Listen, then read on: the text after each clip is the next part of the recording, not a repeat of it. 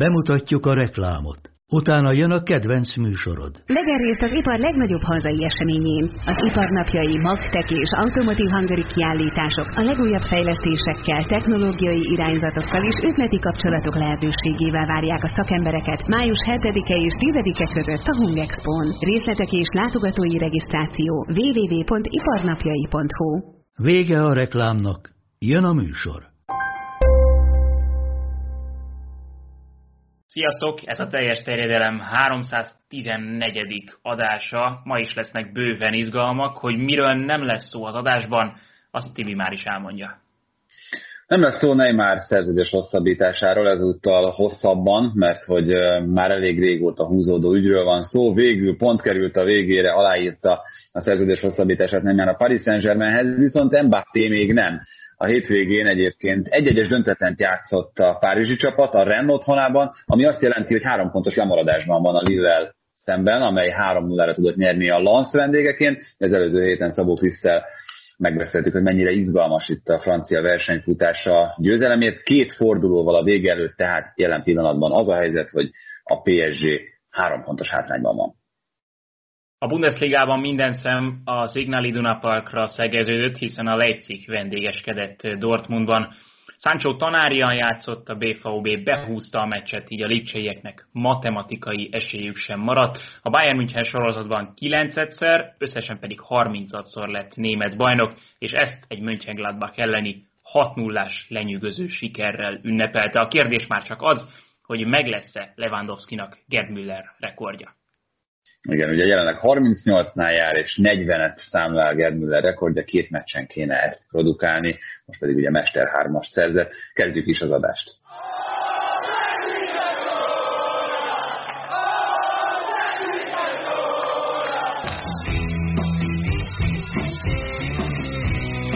Ez a teljes terjedelem. Magyarország első futballpodcastja Baumstar Tiborral és Bognár Domával.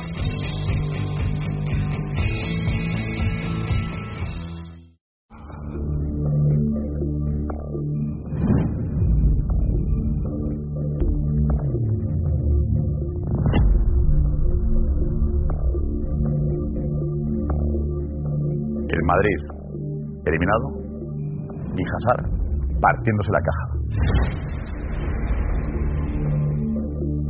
Hazard.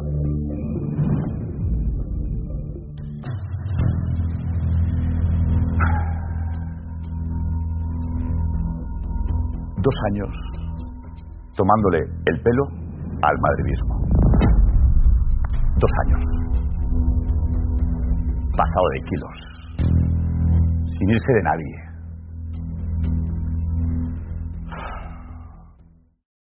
Így értékelte és így nyitotta a Real Madrid-Chelsea mérkőzés utáni műsorát José Pedrerol, a Chiringuito TV műsorvezetője, mert hogy Azár képes volt mosolyogni az elveszített BL elődöntő után, majd egyébként természetesen tegnap a Real Madrid Sevilla után is volt műsora, azt pedig uh, ugyanezzel a zenével kezdte, ami alá az, az volt a szövege, hogy micsoda bajnokság, majd hatásszünet, és micsoda játékvezetés. Alul, alul kiírva, hogy az év vitája, az év vitája, de vajon Azár cselekedete az év az év vitája volt-e az is, tehát azért az, hogy elmosolyogja magát a meccs után, az nyilván nem okos döntés tőle, de hogy mekkora feneket kerített neki a spanyol sajtó, az vajon párhuzamba állítható-e azzal, amit Pedrerolék kerítettek neki? Hát szerintem gyönyörű drámai jelenet sort láthattunk, én nekem nagyon tetszett. Az, hogy mennyire túlzás, amit Azárral művelnek, Szerintem, még hogyha barátkozik is, azért tehette volna ezt egy kicsit zártabb közegben, tehát ahol nem veszi kamera magyarul. És az még, hogy Aspilicuétával bratizott egyet, nekem belefér, de az a, az a röhögcsélve ölelkezés, az, az nem feltétlenül. Legalább tegyen úgy, mintha érdekelné, hogy kiestek. Meg hogy hogy játszott ráadásul. Hát van itt egyébként szerintem nagyon sok hasonló helyzet a futballban, amikor volt csapattársakkal, válogatott beli csapattársakkal futsz össze. Egy borzasztóan túlreagált dologról van szó, szerintem, ettől függetlenül, de tökéletesen egyetértek azzal, hogy ezt azért lehet okosabban. Igen. Tehát gondolom azért ezeknek a játékosoknak a nagy részével, mint például, mint például Aspilicuétával, akivel 7 szezont lehúzott azért a, a Chelsea-ben. Gondolom, hogyha nem is napi, de heti kapcsolatban lehetnek az, ez inkább ott, mhm. telefonon, vagy különböző kommunikációs alkalmazásokban ez azért megoldható. Tehát a, még hogyha nem is voltak a stadionban szurkolók, annyi esze lehetne, hogy ilyenkor azért őt veszi a kamera, mint egy, egy egyébként is fókuszban lévő játékos. És az a, tehát a másik pedig az, hogy nyilván, ha olyan szezon produkált, olyan két szezon hát produkált volna, hogy hát de a négy gól, amit szerzett, az nem jogosítja fel arra, hogy mosolyogjon a meccs után a Chelsea. Azt már beleszámoltad, amit most neki ja, nem, nem. Na, hát az Bocs, gól volt. Itt a bizonyíték, hogy minden mai e, légiós, meg játékos a nagy csapatoknál zsoldos? Nem, ezt én nem, nem mondanám, de azért a nem, többségük igen. Hát szerintem pont nem. Szerintem... De. Pont ez az ellen, ellen bizonyíték. Pont, Hát igen, de, nem, de, nem, de nem, nem ez alapján mondom, hogy zsoldos, de az. Érted? Nem, hogy a zsoldos lenne, nem, nem, nem, nem, meg hülyeséget is mondasz. Tehát ha zsoldos lenne, akkor, akkor, akkor nem barátkozna a volt csapattársaival, hanem ahonnan kapja a zsoldját, hogyha ezt a szót használjuk Jó, már. igazad van. Azért... Én olyan értelemben mondtam ezt, hogy klubhoz kevésbé kötődik a játékosok zöme. Inkább emberekhez kötődik talán. Jó, de egy pont azért nem zsoldos. Tehát, hogy okay. szerintem, szerintem azért, azért emberi oldala ez, valahol, és ezért mondtam azt, hogy ez egy túlreagált dolog, valahol nem jó dolog, nem, nem jó irány az, hogy arra felé haladunk, hogy el kell rejtenie minden érzelmet, hogy a játékosok már csak úgy beszélhetnek a pályán, a bírók már csak úgy beszélhetnek a pályán, hogy el kell, hogy takarják a szájukat közben mert ki van lúgozva minden nyilatkozat, ki van lúgozva már minden, amit a pályán is kommunikálnak egymással. Tehát hogy a kommunikációnak a, az átalakulása a futballban szerintem oda vezetett, hogy tényleg nyomozni kell, egy szezonban maximum egy kezünkön meg tudjuk számolni, hogy hány olyan nyilatkozat vagy értékelés hangzik el, amire így felkapjuk a fejünket, hogy na, itt mondott valami igazán érdekeset az, aki, aki megszólalt. Szerintem ez az Azár ügy is ilyen. Tehát, hogy ez, ez az emberi oldal, ez, ez így kell, hogy történjen a nyilvánosság kizárásával, hogy neked kedvelned, akár még szeretned is kell azokat az embereket, akikkel szobatárs voltál éveken keresztül. Például Mendi, nem? Igen, de, de Szóval azt gondolom, hogy pont ezért, ezért nem, nem arról szól még mindig a, a foci, hogy, hogy akkor elvégzem a feladatomat, és akkor megyek haza aztán. Vagy hát jó, jó esetben nem erről szól szerintem. Jó. Már nem mondok semmit, nehogy hülyeséget mondjak. Megsértődött Krisztus. Hát ez Tibi, ahhoz az kéne, hogy először elvégezze a feladatát, amit meg nagyon úgy tűnik, hogy nem tesz meg. Tehát, hogyha lőtt volna három gólt, tovább jut a Real Madrid, és utána ezt csinálja, akkor senkinek egy szava sincsen. Ez pontosan így van. Tehát, hogy öm, Értem egyébként Zidán húzását, és szerintem akkor tényleg beszéljünk inkább erről, hogy őt betette a volt csapata ellen, és egészen szépen építette föl pont erre a feladatra, hogy előtte volt először kezdő az Osasuna ellen, előtte azt hiszem talán ilyen 20 percet, aztán 30 valamennyit kapott, tehát hogy megvolt ez a lépcsőzetesség nála, és ez egy nagyon nagy sztori lett volna.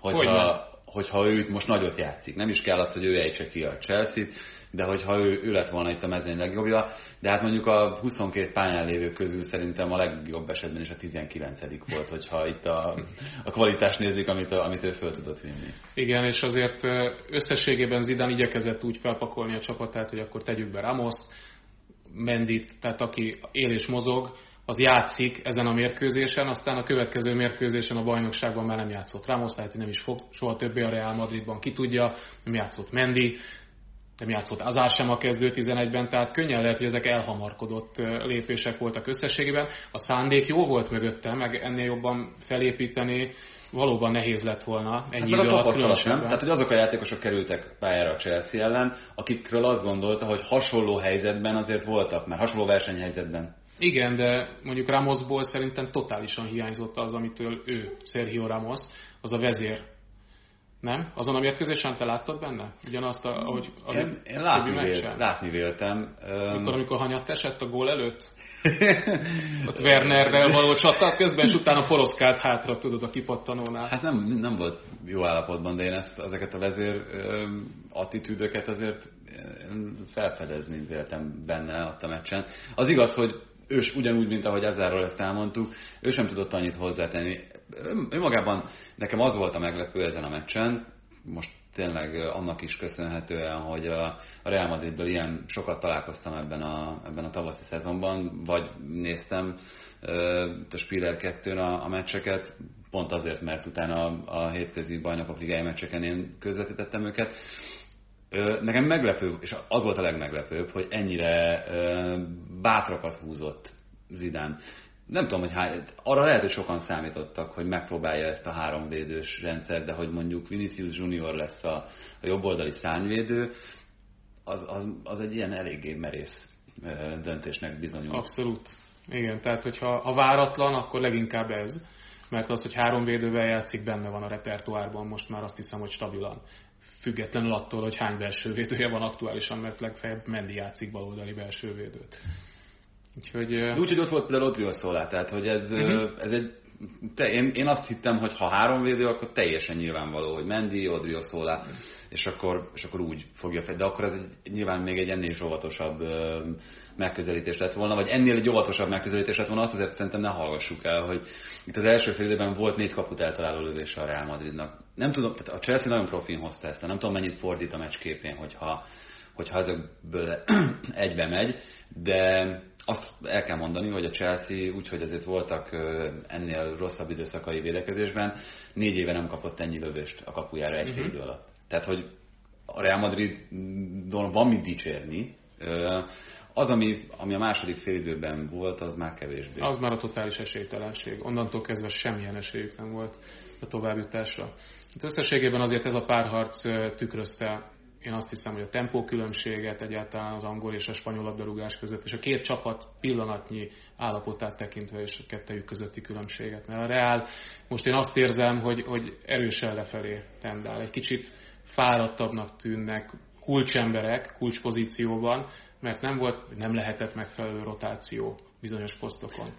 Pont ez jutott eszembe egyébként, és erre nagyon kíváncsi vagyok itt a Sevilla elleni mérkőzés kapcsán, hogy én már csak az összefoglalót láttam, mondjuk azt még, azt még élőben, mert úgy, pont úgy értem haza tegnap, de az volt az érzésem, mint amikor tényleg egy rongyot így csavar ki az ember, hát előtte még nagyon, nagyon nedves volt hm. hosszú éveken keresztül, de ezek nem az utolsó cseppek? Hát először is, amikor a Real Madrid a mérkőzés utolsó negyedében az Odriozola, Militao, Nacho Gutierrez védő négyessel áll fel, az nem tekinthető általánosnak, és azt hiszem, hogy egy bajnokaspirás csapathoz talán nem is méltó ez az összetétel, ez az egyik. A másik, hogy lecserélte Modricot, aki Krosszal karöltve még mindig az a két játékos, aki váratlant húz, aki oda tudja rúgni még, még teljesen fáradtan is de a labdát. De fáradt, nem? Igen, de most is adott egy olyan labdát Krosznak, aki aztán betette középre Viniciusnak, hát tudjuk, hogy Vinicius mennyire tud gólt rúgni az esetek többségében, jobban a bal lábára, a bal lábáról a jobb lábára, és így táncolt, szóval jobban rárúgta a bal lábára, onnan kapufára pattan, de az a jelenet szerintem tökéletesen megmutatta, hogy bizonyos pozíciókban mi hiányzik pillanatnyilag a Real Madridból. Tehát nincs egy olyan ember, aki berobban, Benzemán kívül, és ezt beveri. Hát olyan van, aki nem robban be, hanem eltalálják a labdával, és bepattan róla, és gólszerző a 94. percben, de hát őt meg szidják szegényt, pedig látjátok, hogy... De akkor megint csak ott tartunk, hogy, hogy akkor mi lesz az idán kérdéssel. Tehát akkor mondhatjuk, hogy a keretből kihozta a maximumot idén, sőt, még talán túl is teljesítette a BL elődöntővel, és a bajnokságban meg ott van a bajnoki címért, ezzel a kerettel, ahol Vinicius játszik szányvédét. Igen, ebben a keretben nincs helye Ödegornak, Zidánnál, nem tudja egyszerűen megtalálni Iszkó helyét, még kiegészítő emberként sem, és lehetne még sorolni, hogy... És hol... kiszorult az a Valverde például a fontos meccseken uh, itt tavasszal, akiről pedig mindenki egy éven keresztül áradozott. Igen, tehát megvan ez a három rutinos, egyébként kitűnően teljesítő középpályás, és akkor Valverde hol játszik, hol nem most a Sevilla ellen éppen játszott, de alapvetően megvan ez a szerkezet Zidánnak, most már három védőre olykor átvált, de ehhez igazítja a, az összeállítást, és közben meg van egy olyan játékos, a Valverde, akihez talán érdemes lenne idomítani, szerintem. Aki be lehet hozni szárvédőnek. Aki be lehet hozni szárvédőnek, be lehet vinni jobbszélsőnek, kicsit Lucas Vázquez lett Valverde ilyen szempontból.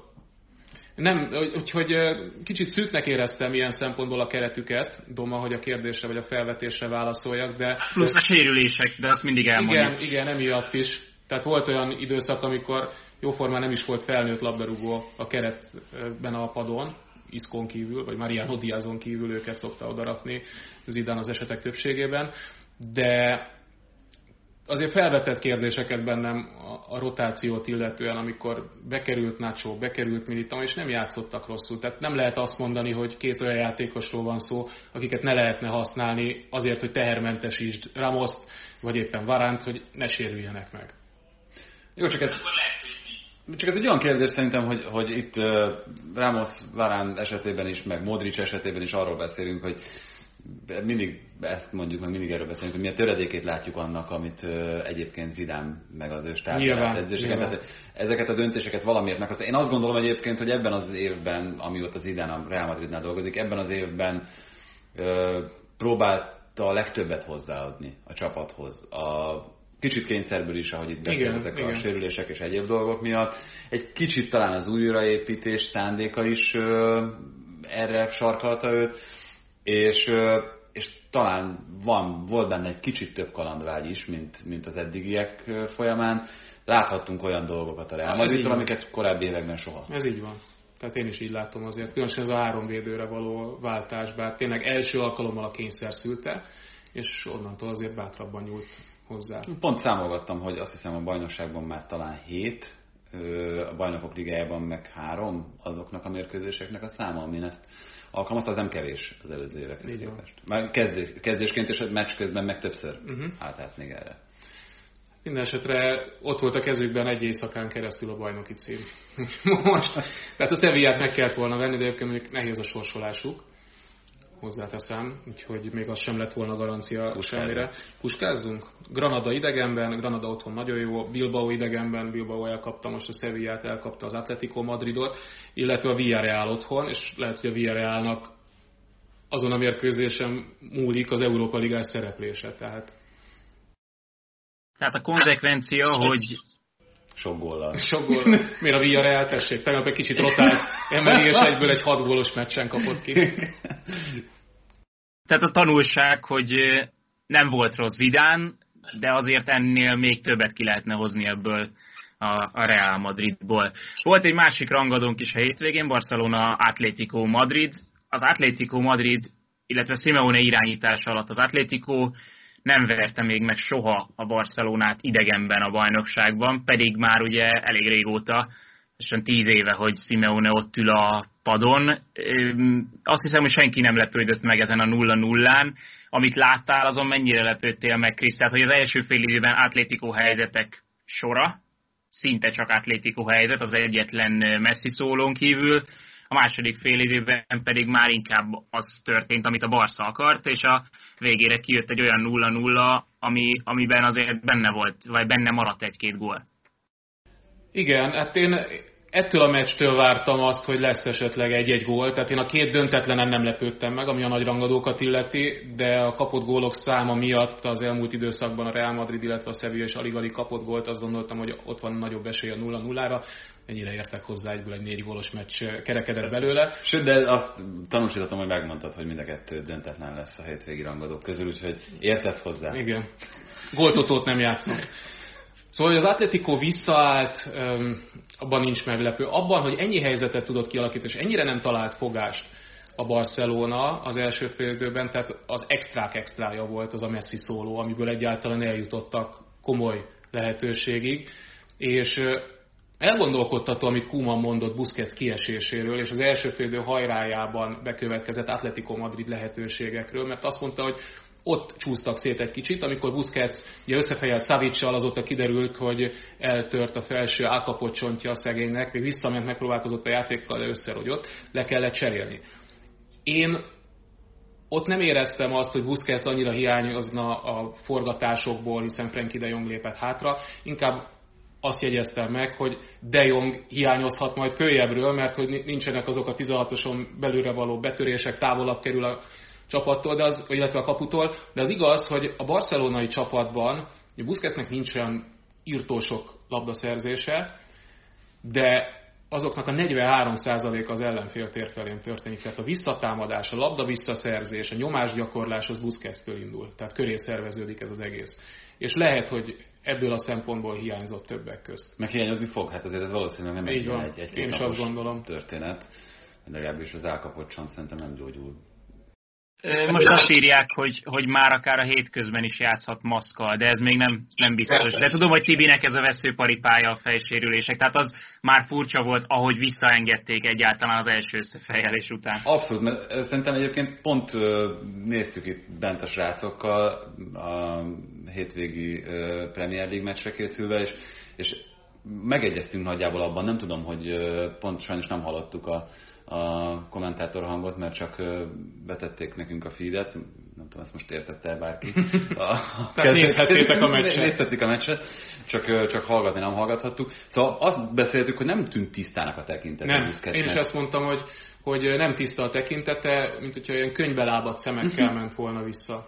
Igen, és tényleg ez egy ilyen helyzetben szerintem, és ez nem a, nem a, soha nem az edző felelőssége. A játékosé még kevésbé. Oh Nekem volt olyan csapattársam, hogy agyrázkódás után előtte szerzett egy gólt, utána szerzett egy gólt, szünetben már le kellett cserélni, és nem emlékezett az egész meccsből semmire. De ő akart visszamenni, és aztán végül mondták, hogy nem, nem, itt marad szépen csücs, és utóbb kiderült, hogy a góljaira sem semmire nem emlékszik. Szóval semmiképpen nem a játékos felelőssége, ez egész egyszerűen az orvosi stáb, és azon belül is az orvos felelőssége, a csapatorvos felelőssége, aki látja, megvizsgálja, nem tudom felfogni, hogy, hogy, hogy egy ilyet egy ilyen helyzetben tök minden, ilyenkor nem számít a tét meg, hogy ez most egy Atletico elleni meccs, miért kockáztatnak ekkorát?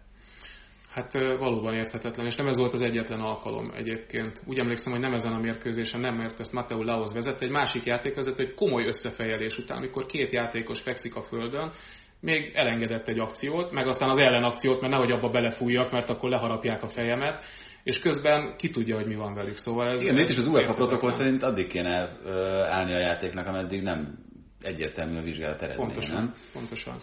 Most visszatérve a mérkőzésre, én a második félben egyértelműen azt éreztem, hogy az Atletico Madrid elégedettebb ezzel az egy ponttal, és utóbb a nyilatkozatokból is az derült ki, hogy összességében ez így volt. Úgy, hogy egyébként többet tett ezért az egy pontért, mint a Barcelona, nem? Hát a második félidő alapján nem feltétlenül ott már a Barcelona ment előre, Piqué szerint sok lehetőségük volt. Hm? Zárójel bezárva, de de volt egyébként, akadt egy-két, egy-két helyzetük arra, hogy megnyerjék a meccset.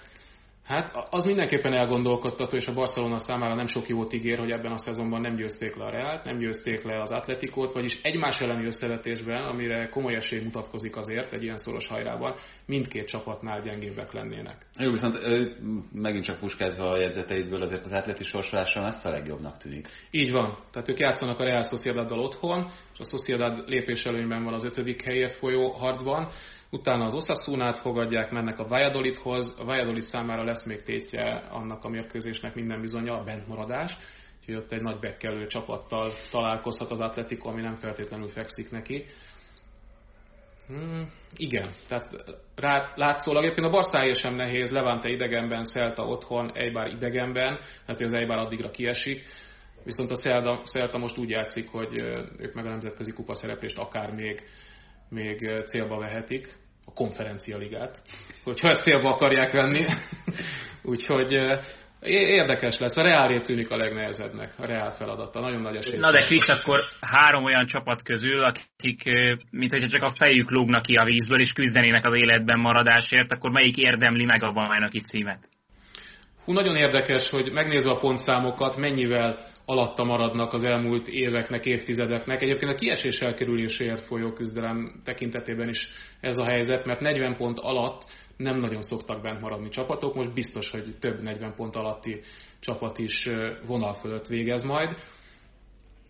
nincs olyan csapat most ebben az idényben, mint a Real Madrid az újrakezdés után tavasszal, hogy így vagy úgy, de behúzza az összes mérkőzését. Figyelj, kitartok amellett, most elárulhatom így is, én az Atletico Madridot érzem már hosszú ideje. Nyilván egy ideig nem volt nehéz őket érezni, mert 50 pontos fél szezonnal fordultak, és hogy minden bejött nekik. nem lesz meg a száz, ezt már biztosan mondtam. Nem lesz a száz, úgy tűnik nem lesz meg nekik. De bár sok olyan pillanat volt, amikor ellenük szóltak a tények, meg a ellenfelek, meg a saját formájuk is, de most megint azt gondolom, hogy ez a két pontos előny, ez elegendő lehet az Atletico Madrid számára. Igen, tehát ez azt jelenti, hogy még hogyha a Barca megnyeri mind a hármat, az Atlétikónak egy X belefér gyakorlatilag. És így azért könnyebb neki menni egy Valladolid meccsnek talán. Csak az a furcsa, az a furcsa, hogy mind a három csapatban benne van a botlás, tehát még a, még a gyengébb meccseken is. Ugyanúgy az Eibar ellen is szenvedtek már vereséget. Még egy dolog itt az Atletikhez, ami csak úgy motoszkában nem lehet, hogy eleve ostobaság a felvetés is, hogy nem érzitek azt? Itt kicsit én a Chelsea meccs kapcsán éreztem ezt, kicsit az Atletico rangadóit nézve, hogy hát hogy is fogalmazom, ez a, ez a Simone csapat nem olyan versenyhelyzetben, mint az elmúlt években. Tehát, hogy pont ez, amit itt beszéltünk, ez az 50 pontos első fele a szezonnak, egy másfajta játékkal, egy támadó focival, de nem olyan trikk, nem olyan, olyan egységes, nem olyan kompakt, mint uh-huh. amennyire, amennyire az elmúlt években megszoktuk ezeken a legfontosabb meccseken, amivel bajnokok ligája döntőbe jutott kétszer az Atleti. Tehát, hogy most itt a Valladolid elleni meccs kapcsán jutott eszembe, hogy ott akkor, amikor ott lesz a torkukon a penge, az utolsó fordulóban, akkor nem éreztek valami fajta ilyen hiányosságot? Van ebben valami, egyébként a szezon egészét, különösen a nemzetközi kupa szereplést figyelembe véve, azon gondolkodtam, miközben hosszasan beszéltél, hogy, hogy van-e összefüggés a között, amit mondtál, és a között, hogy, hogy Simeone ugye elveszített néhány fontos embert, nem is most, hanem még az előző szezon előtt, kulcsembereket, rutinos játékosokat. Kicsit kikerült a Pixisből Saul Niguez, akire mindig lehetett azért számítani, lehet, hogy most nem is olyan stabil, és akik meg bekerültek, azok nem feltétlenül annyira stabilak ezekben a szituációkban. Lehet, lehet.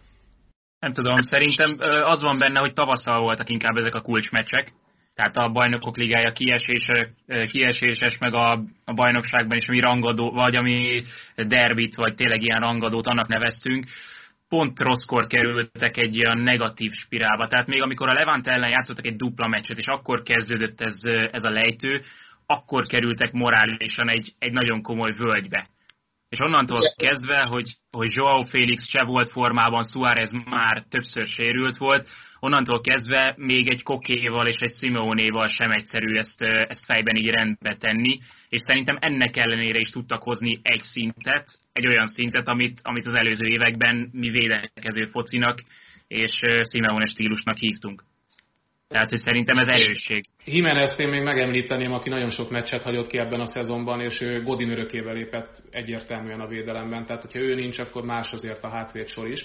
Úgyhogy ő is sokat hiányzott.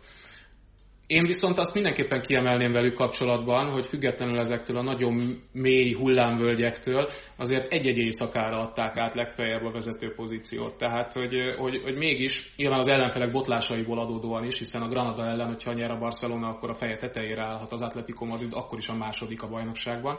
Ez nem történt meg, így aztán ők gyakorlatilag bebetonozták magukat oda az érre. Ami egyébként egy tök új helyzet az eddigiekhez képest. Tehát ez is simán lehet, hogy ebből fakad, hogy azért ehhez nincsen hozzászokva az Atletico, hogy, hogy végig milyen rajtszél szerű győzelmet alatt. Igen, de hogy sokat kellett törni a fejem, hogy hogy tudlak megcáfolni. Hogy a 2015-16-os szezon végén akkor még az úgymond régi Atletico futott versenyt, ugyanígy a Real Madriddal és a Barcelonával, és az utolsó két-három fordulóban hullajtottak pontokat, és így lettek aztán harmadikok ebben a versenyfutásban, pedig ott is volt esélyük a bajnoki címre, elég komoly. 2014-ben megkitartottak. Ott ki. Igen, igen. Meglátjuk, hogy idén melyik forgatókönyv jön ki győztesen, vagy, vagy melyik ismétlődik meg. Krisz, köszönjük szépen, és gondolom, hogy még lesz egy értékelés itt a szezon végén is a végeredmény tudatában. És a folytatásban Bán Tibort köszöntjük nagy szeretettel, a Spiller TV szerkesztőjét, és megígértem Váj Bence kollégámnak, hogy lesz majd szó arról is, hogy a Chelsea az első olyan csapat, amelyiknek a női, illetve a férfi csapata is bejutott a bajnokok ligájába. Miután tudom, hogy nem ér váratlanul és kellemetlenül a kérdés, mondj egy pár szót a női csapatról, mit kell tudnunk erről a szenzációs tegnap bajnoki címet szerzett egyesületről. Sziasztok, köszöntök mindenkit. Igen, először is meglepő, hogy azért a Chelsea tényleg az első csapat tudott lenni, erre szerintem senki nem fogadott volna még mondjuk egy hónappal előtt, ezelőtt sem, hogy mind a két csapat bejut a BL döntőbe. Talán a női volt a kisebb meglepetés, ott azért lehetett tudni, hogy Anglia egyik, vagy hát tegnap kiderült, hogy a legerősebb csapata a Chelsea. Van egy egészen karizmatikus edzőjük Emma Hayes személyében, aki tényleg egy nagyon különleges egyéniség, és hát azért vannak nemzetközi klasszisok is a csapatban Úgyhogy érdekes, érdekesen alakul idén a BL, mert ugye az elmúlt években megszokhattuk, hogy az volt a kérdés, hogy kit ver meg a Lyon a döntőben. Most a Lyon a négy közése jutott be, úgyhogy szabad a, a trófea, és hát a Chelsea azzal a Barcelonával játszik, amelyik uh, szintén megnyerte a spanyol bajnokságot a hétvégén 8 fordulóval az árás előtt, uh, hibátlan teljesítménnyel, és hát egy egészen feldolgozhatatlan 128-5 a gólkülönbségük. Úgyhogy nem egy olyan nagyon gyenge csapat. Vasárnap lesz a döntő, kíváncsi vagyok, hogy milyen focit láthatunk majd. Emma Hayes vagy Tomás Tuchel a jobb edző?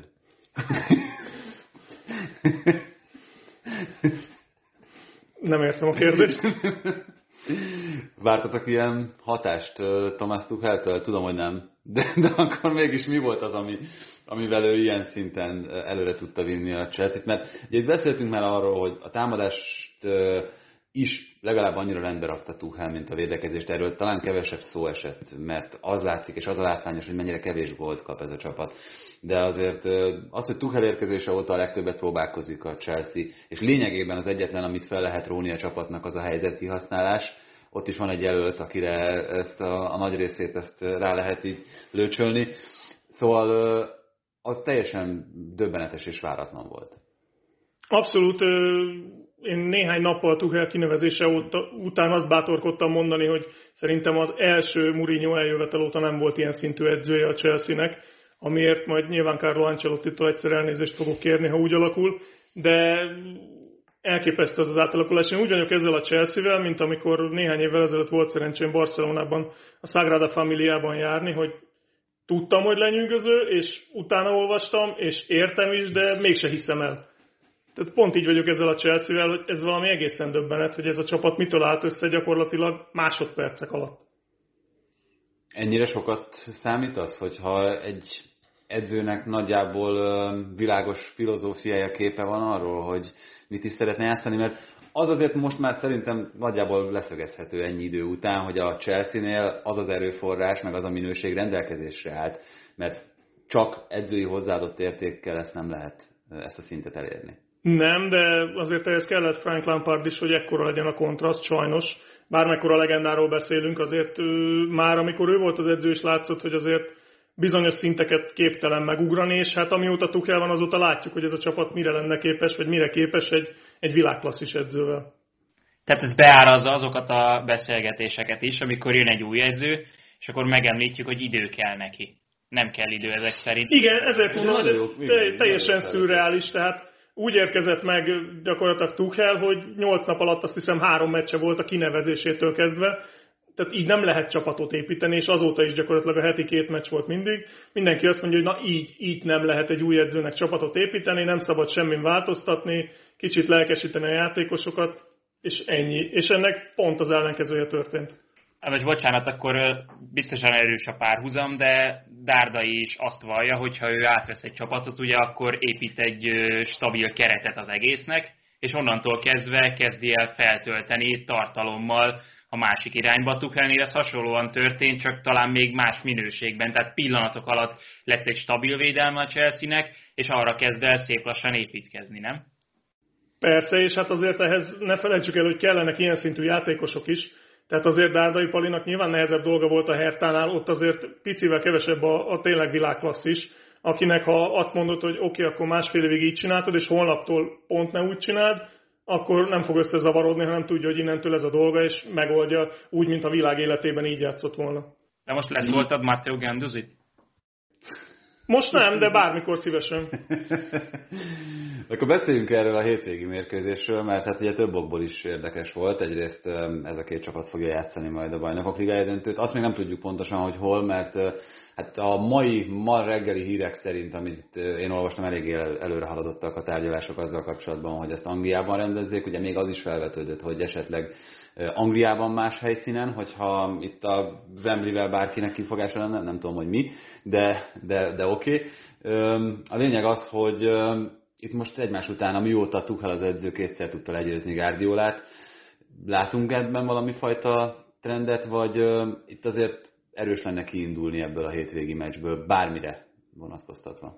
Nagyon szívesen látnék benne trendet, és baromi jól hangzik, de semmiféle jelentősége nincs a BL döntőre. Ugye azzal kezdted ezt a felvezetést, hogy ez a két csapat fogja játszani a BL döntőt, nem ez a két csapat fogja, ez a két klub fogja játszani a BL döntőt, de most ha megnézzük a szombati összeállításokat, én összeírtam, nagyjából 11 olyan játékos van, aki kezdeni fog valószínűleg.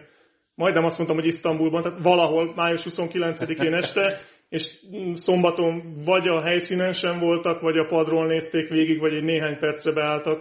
Tehát ez nagyon-nagyon más lesz, és Természetesen az ember örül neki, hogyha a Chelsea megveri a Manchester City-t, meg hogyha Guardiola szomorú, én ennek mindig örülök. Csak sajnos Guardiola nem volt szomorú, mert pontosan tudta, hogy semmi jelentősége nincs ennek a meccsnek a City szempontjából. A Chelsea-nek viszont nagyon fontos volt a BL indulás kapcsán, és ez látszott is a pályán. Tehát ugye a City-t ez különösebben nem érdekelte ez a meccs, tehát nyilván jó lett volna nyerni, mert ők szeretnek nyerni, meg általában nyernek, de azért nem szakadtak meg. Itt ugye rendszeresen felvetődő kérdés Gárdolával kapcsolatban, hogy ő mennyire gondolja túl ezeket a meccseket. Itt ma egy angol podcastot hallgatva hallottam egy nagyon-nagyon jó gondolatot ezzel kapcsolatban, hogy ezen a szinten, amikor egy bajnokok ligája döntőben, vagy akár elődöntőben játszik egy csapat, nincs olyan edző, aki ne gondolná túl. Tehát, hogy ezt valószínűleg Tuchel is túl fogja gondolni, pont azért, amit itt beszéltünk a hétvégi meccs alatt, hogy most három védővel állt fel Guardiola, akkor földobta azt a lehetőséget és azt az opciót Tuchelnek, hogy na mi van, hogy ha majd ezt fogja alkalmazni a döntőben is. Ezzel a három védővel egyébként megakadályozta azokat a Chelsea lehetőségeket, amik az FA kupán, kupában, az elődöntőben eredményre vezettek. Szóval itt ezen a szinten már nem létezik olyan, hogy valaki ne gondolná túl a magát a meccstervet és a taktikát. Teljesen kizárt. Szerintem az az edző is túl gondolná, aki minden évben bejut a BL döntőbe, olyan meg nincs. Tehát hát főleg ez, hogy... Hát jó, igen, de mondjuk Zidának nem volt akkora kerete, hogy nagyon túl gondolkodjon, mert nagyjából adott volt a kezdő 11. Hát a három BL győzelemnél egész hasonlóan álltak fel. A City-nél nyilván nincs ilyen, mert a City előző BL döntőjéről nem nagyon beszélhetünk, és hát Guardiola előző BL döntőit is már igazából ilyen fekete-fehér felvételekkel lehet megtekinteni, úgyhogy biztos, hogy halálosan túl fogja gondolni. Csak én attól félek, hogyha összevetjük a két játékos keretet, akkor azért a két kezdőcsapatot, a két legerősebb kezdőcsapatot, akkor azért szerintem elég komoly minőségi különbség van a City javára. Itt a halálos túlgondolást mennyire egyszerűsíti, vagy igen, mennyire egyszerűsíti le az, hogy szerintem a szombati meccsen is látszott, az a teljes kifilézettség a játékosokon, ami egyébként szerintem már az FA kupában is így tetten érhető volt, hogy annyira kivannak ezek a játékosok, hogy, hogy a meccs végére ez a szinte lépni se tudnak, az már nyilván túlzás, de hogy nagyon-nagyon el tudnak fáradni a végére, és ugye Mountról azt hittük, hogy nem fog pihenni az egész szezonban, de még neki is pihennie kell valamikor. Hát ezt úgy tudta elérni Tuchel, hogy nem engedte föl a buszra, tehát mert ha ott van a stadionban, biztos, hogy valahogy bekönyörögte volna magát a pályára, mert szerintem minden viszket, ha ő a cserepadon ül. Úgyhogy ezt úgy tudták megoldani, hogy szerintem bezárták otthon a lakásba Londonban. De a City-nél egyébként szerintem látható volt, hogy egy kicsit a pályán pihentek a játékosok, nyilván nem fizikálisan, mert futni futnak, hanem fejben. Szerintem látszott, hogy nagyon sok olyan jelenet volt, amikor pont úgy nem koncentráltak, ahogy a City játékosok mindig tökéletesen szoktak koncentrálni lövőhelyzeteknél, akár a saját kapu előtt bizonyos szituációknál. Úgyhogy szerintem a következő három hét az a City-nél erről fog szólni, hogy egyrészt ö, ilyen hát semmiféle múltal nem rendelkező Sterling, meg ilyenek fognak játszani, másrészt meg az, hogy, hogy azért koncentrációban, hát nem mondom, hogy gondok lesznek a City-nél, mert nem gond, mert nekik tök mindegy. Tehát ha a serdülő kettő játszik, akkor is meg fogják nyerni az angol bajnokságot úgyhogy nekik tényleg már csak ez a BL döntő számít. Ami nagyon furcsa lesz egyébként, pont itt ezen gondolkoztam, miközben Doma kérdezte ezt, hogy azért ennek a bajnokok ligája döntőnek egy hétnyi edzés, és hát pihenés, persze ezt most idézőjelvetében mondom, fog neki futni a Manchester City. Pont azt számoltuk, hogy a City számára egy héttel később kezdődött a szezon, mint a többi angol csapatnak. Szeptember végén kezdtek, 61. tétmeccse lesz a bajnokok ligája döntő a csapatnak, tehát szinte nem volt olyan hét, amikor ne kellett volna kettő meccset lejátszani. Amikor meg a klubban nem, akkor meg hármat a válogatottban. Szóval nem csoda, hogy az, amit itt te is említettél, Doma, ez a kirúgózottság, ez megvolt, viszont talán ez van esély arra, hogy a bajnokok ligája döntőben nem feltétlenül fog megjelenni. És magáról a mérkőzésről is beszélve, nekem egy óriási szívfájdalmam ez az Aguero történet. Leginkább amiatt, ahogyan tudjuk, hogy lezárul ez a fejezet, és ez volt a, a meccs itt a bajnokságban, amin, amin, amin Aguero-nak még egy nagyot kellett volna villannia, hogyha mindent valamilyen amerikai vagy ilyen hollywoodi forgatókönyvírók írnak. Ehelyett egy elég szégyen teljes mérkőzés volt, és e, ezzel együtt sem vagyok biztos abban, hogy mondjuk a Twitteren való bocsánatkérés az, az szükséges volt. Tehát, hogy ő azért tett le annál többet az asztalra, hogy ne kelljen itt most elkullogni a szégyen teljesen. Persze, és hát aki hallotta Aguero-t angolul beszélni, az tudja, hogy ezt nem ő írta ezt a tweetet. Tehát nem nagyon láttam benne különösebb nyelvtani hibákat, meg voltak benne névelők, meg ilyesmi. De egyébként visszatérve Aguero-ra, az igazi hollywoodi sztori majd az lesz, hogyha a BL döntőben berúgja a sors döntő 11-es, de hát ezt semmilyen szinten nem kívánom. Bár őt nagyon kedvelem, mert egyébként minden argentin közel áll a szívemhez, és az utolsó ember volt ebben a mezőnyben, ezen a földön, akiből kinéztem, hogy pányánkázni fog egy 11-esnél. Szerintem ez is azt mutatja, amiről az előbb beszéltünk, hogy azért fejben annyira nem tették oda magukat, meg nem az életük, meg nem a bajnoki címük múlt ezen a gólon. Hát meg ugye előtte ez, hogy Sterling elrúgta előle a labdát, és látványosan nem örült a gólnak. Tehát, hogy ez ugye összes, az összkép volt szerintem olyan, ami, ami úgyhogy abszolút megértem őt, mert egy gólszerző csatáról van szó, aki éveken keresztül gyakorlatilag itt a vállán vitte a Manchester City-t, főleg támadójátékban a gólokat tekintve.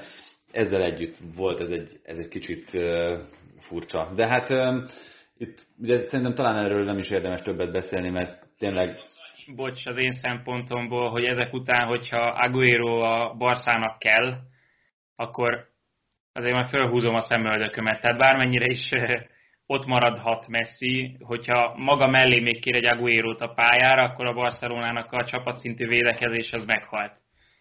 De ott úgyse fog 11-es trúgni Aguero. hát ebben nem vagyok azért biztos, ugye pont az Atletikem ez a Statsbomb belenzésben jött egy, egy nagyon érdekes adat, ezzel kapcsolatban összehasonlították a jelenlegi európai topligákban játszó középcsatárokat, és ugye biztos ismeritek meg a hallgatók közül is sokan ismerik ezt a Stat Radar nevezetű valamit, ami ugye minden 1-től 99 pontig megvan, és nagyon különös módon bevallom, pontosan nem tudom, és hogyha valaki ebben segít, azt meg is köszönöm. Ez le van írva, hogy a defending impactje, tehát a hatása a védekezésre aguero messze a legmagasabb az európai középcsatárok közül. Az elérhető 99 pontból ő neki 79 van ezen.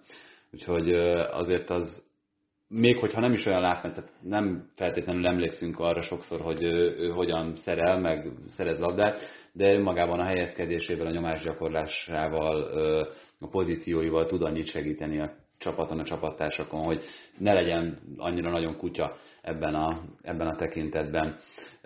A Premier League-re egy kicsit még tovább evickelve azért talán a legérdekesebb kérdések egy része most már eldőlt, az most már matematikailag biztossá vált, hogy a Manchester United ott lesz a top 4-ben, és indulhat a bajnokok ligájában. Ennek kapcsán nagyon nagy kérdés az, hogy ajándékot kapott a Leicester és a Liverpool azzal, hogy egy két csütörtökre megkapták a Manchester United-et ellenfélként, hogy a United pont ebbe nem fog olyan nagyon belegondolni, hogy most hol tartanak, és megpróbálja legyőzni ezt a két csapatot. Hát meg fogja próbálni, most ugye a megpróbálás az egy ilyen City hozzáállást fogja szülni, amit a Chelsea ellen láttunk, hogy persze, ha mi rúgunk több gólt, akkor örülünk a három pontnak, de azért a belünket nem fogjuk kitenni a pályára. Érdekes helyzet, az biztos. Most Szulsár kapott egy ilyen mini edzőtábor gyakorlatilag, mert ott szoktak ilyenek lenni, hogy két naponta meccseket játszanak mindenféle tét nélkül, és hát ugye nekik ott van a végén az Európa Liga döntő, amire most csapatot kell építenie Szulsárnak, úgyhogy biztos vagyok benne, hogy agyba főbe fogja forgatni a, a csapatot.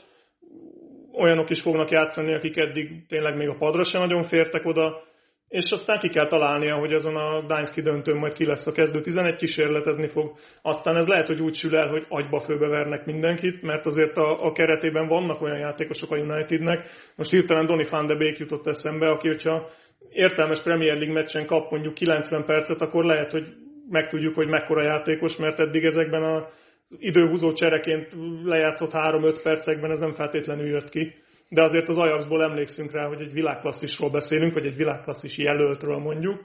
Úgyhogy nem biztos, hogy ez rosszul fog elsülni. Hát ez majd Dánszban kiderül, hogy mennyire jól sült el. Van viszont olyan ember, akinek biztosnak tűnik a helye. Cavani. Hát az egyik. Szerintem most nagyjából meg tudnánk mondani ezt a 11 játékost a Manchester Unitedben, aki, akik a legjobbat képviselik, a legjobbat nyújtják, ami érdekes lesz majd számomra, hogy a, az Európa Liga döntőben Dehe vagy Henderson véde. Uh-huh. Az, hogy ugye pont a hétvégi mérkőzésre készülve állítottuk össze, hogy Szúsjár mennyire bízik abban a hátsó hat emberben, ugye négy védőben, majd meglátjuk, hogy Maguire Boka sérülése mennyire komoly. Ugye most először hagyott ki perceket egyáltalán a Premier League-ben, amióta Szúsjár az edző. Illetve hát előttük Fred és McTominay helye azért viszonylag biztosnak tűnik. És hát szerintem ostobaság lenne most itt ebben a helyzetben Pogbát és Bruno Fernandes kihagyni egy fontos mérkőzésről, mint ahogy Rashfordot is, úgyhogy akkor már megvan a teljes csapat, csak Greenwood és Cavani között kell döntenie majd, és hát jelen állás szerint én is azt gondolom, hogy Cavani lehet a nyerőkártya. Mondjuk kérdés, hogy az első perctől pályára küldve, vagy, vagy csereként, ahogy tegnap is tudott hatást gyakorolni a csapatra. Hát igen, mert Cavani azért szerintem azon kevés játékosok egyike, akik zokszó nélkül végigülnének egy egész szezont is a padon, és ha 20 percre beküldöd, akkor is tudod, hogy hozzá fog tenni valamit a csapathoz. Azért Greenwoodnál ez nem mindig volt így, ha csereként állt be, és hát akkor még ugye két világklasszis csatáról nem beszéltünk a Unitednél, Shortier és Diallo személyében, akik valószínűleg azért hát ha nem is az Európa Liga döntőn, de ezeken a PL meccseken szerintem szerepet fognak kapni, hogy mondjuk Rashford esetleg ne 40 ezer percet játszon ebben a szezonban. A West Ham viszont ugye azzal, hogy vereséget szenvedett az Evertontól, azzal hát lényegében leiratkozott a bajnokok ligájáról, bár ugye még a matematikai esély ott is él, ez akármi történik, tehát hogyha most már nulla pontot szerez a csapat ebben a szezonban, akkor is úgy beszélünk róla, hogy ez az egyik legnagyobb pozitívuma volt a Premier League-nek.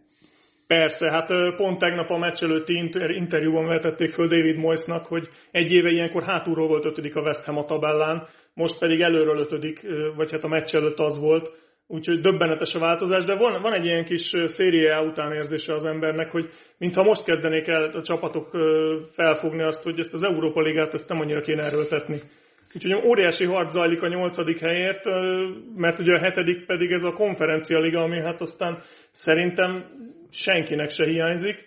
Úgyhogy elindult a küzdelem, kíváncsi vagyok, hogy ki, ki tud annyira béna lenni, hogy lecsúszom még a hetedik helyről is. És hát az igazi nagy vesztes az lesz, aki hetedik lesz. A tippel nem kéne, a Tatenemet mondanám. nem is értem, hogy miért. De a negyedik hely az még abszolút kiadó. Tehát... Hát úgy kiadó, hogy nem hirdetik, de, de a Liverpool azért szívesen bukolná ez nagyon érdekes lesz egyébként, hogy a Manchester United azt gondolná az ember így a hagyományok alapján, ha még ezek egyáltalán számítanak valamit, hogy a Liverpool ellen azért csak oda fogja tenni magát, bármennyire is tét nélküli, meg bármennyire is Európa Liga döntő. Hát ha meg nem, akkor a Liverpool könnyen lehet, hogy kap ajándékba egy negyedik helyet egy olyan szezon végén, ahol aztán mindent megérdemelnek, csak a negyedik helyet nem. Sőt, főleg úgy, hogy a Bocs TV, a Leicesternek meg a legkellemetlenebb utolsó ellenfél nem lehetne más, mint a Tottenham.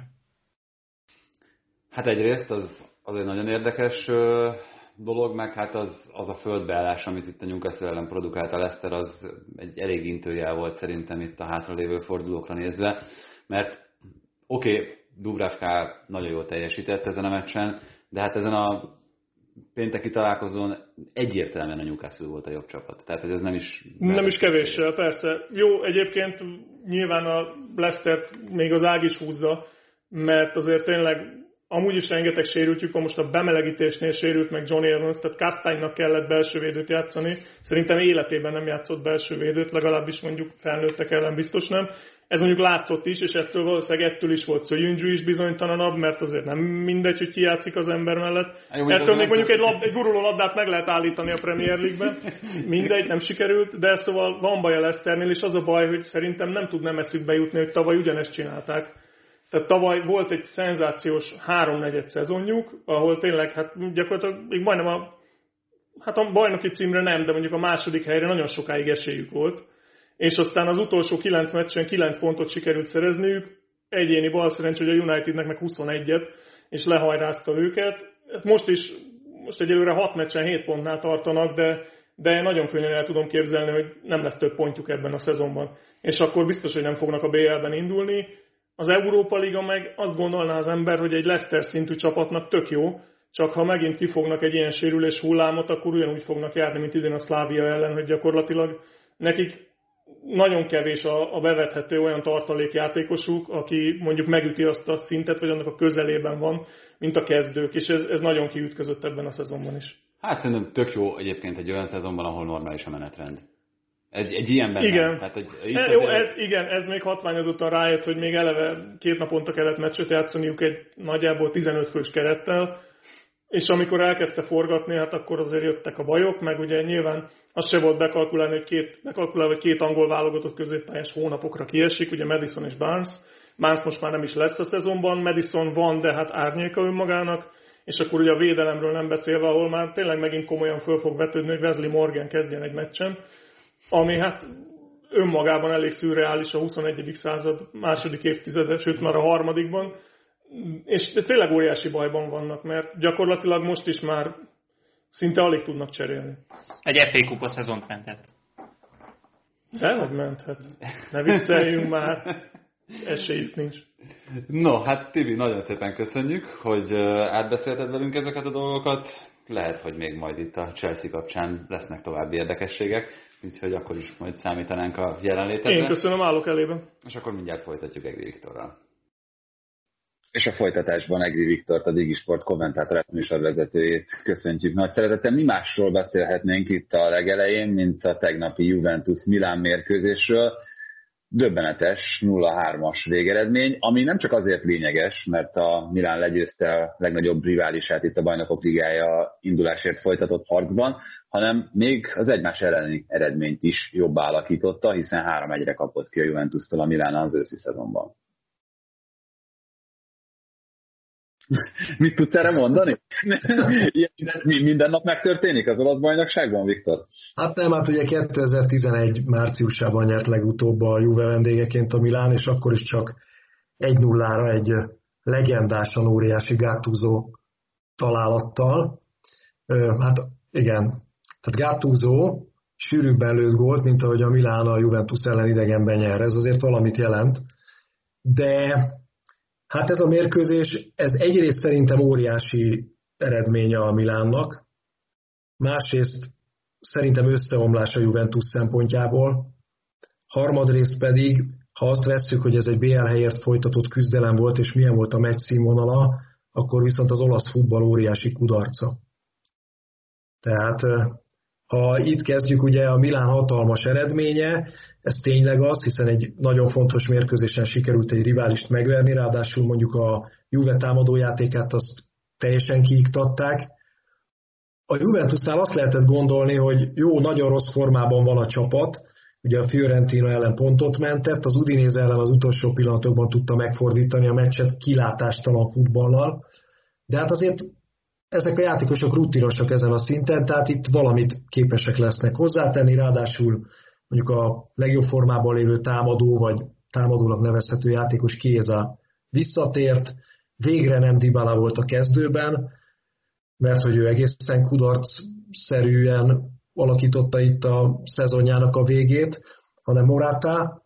Hát ugye sikerült Kézát annyira vonal mellett játszatni, hogy észre se lehessen venni, tehát én szerintem ez egy óriási taktikai hiba a Pirlótól, hogy a legjobb játékosát a lehető legmesszebb tartotta az ellenfél kapujától.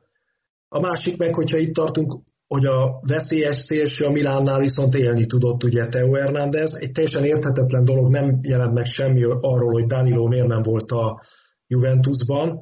A legjobb formában lévő játékosa, sőt az egész szezonban az egyik legjobb játékosa a Juventusnak. Játszhatott volna jobb szélen, akár Teo Hernándezzel szemben is, vagy a védelem jobb oldalán, tehát hogy lettek volna pozíciók, ahol őt használni lehetett volna. Ráadásul az egyik legjobb statisztikája van a védők közül az előrejátékban, az egész idényben a szériában.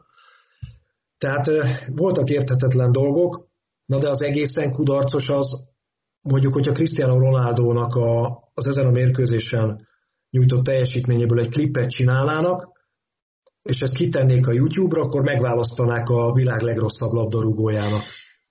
Tehát ha lenne ilyen, hogy nem aranylabda, hanem mondjuk egy kevésbé nemes anyagot, hát kaki labda mondjuk. Amit a kis galantúró bogarak összegyúrnak. Az, az simán által összeállított labda. De, de, de azt simán vihetnél fel a játékkal. Tehát nem volt jó labda átvétele, nem volt jó passza szinte, hát védekezésben nem tudott segíteni. Igen, ha már itt a Juventusról ö, kezdtünk el beszélni, akkor maradjunk is a Juventusnál. Hogyha megnézzük a két kezdőcsapatot, akkor nevek alapján, amikor még itt a legelején megmutatták, akkor mindig az volt az érzése az embernek, hogy ez, hát egyrészt nem rossz ez a Juventus, és mindenképpen jobb, mint a Milán, hogyha tényleg kizárólag akár itt a pedigrére és a múltra hagyatkozunk, és Néztem itt, amit mondtatok, és Benito onnan közelítette meg a, a mérkőzést, hogy nem volt lelke ennek a Juventusnak. Ez volt, ami a legnagyobb hiányossága volt ennek a Pirlo csapatnak, vagy inkább az, amit itt te kezdtél el mondani, hogy itt, itt azért szerkezeti és taktikai dolgokban is voltak mellényúlások? Hát szerintem a szerkezeti problémákat már az előző szezon végétől lehetett tudni. Tehát már Szárinak is voltak ezzel gondjai, de mindig azért védtem Pirlót, mert amikor jöttek azzal, hogy hát úgy látszik nagy a kabát, akkor azt mondtam, hogy lehet, hogy nagy a kabát, de lyukas a kabát.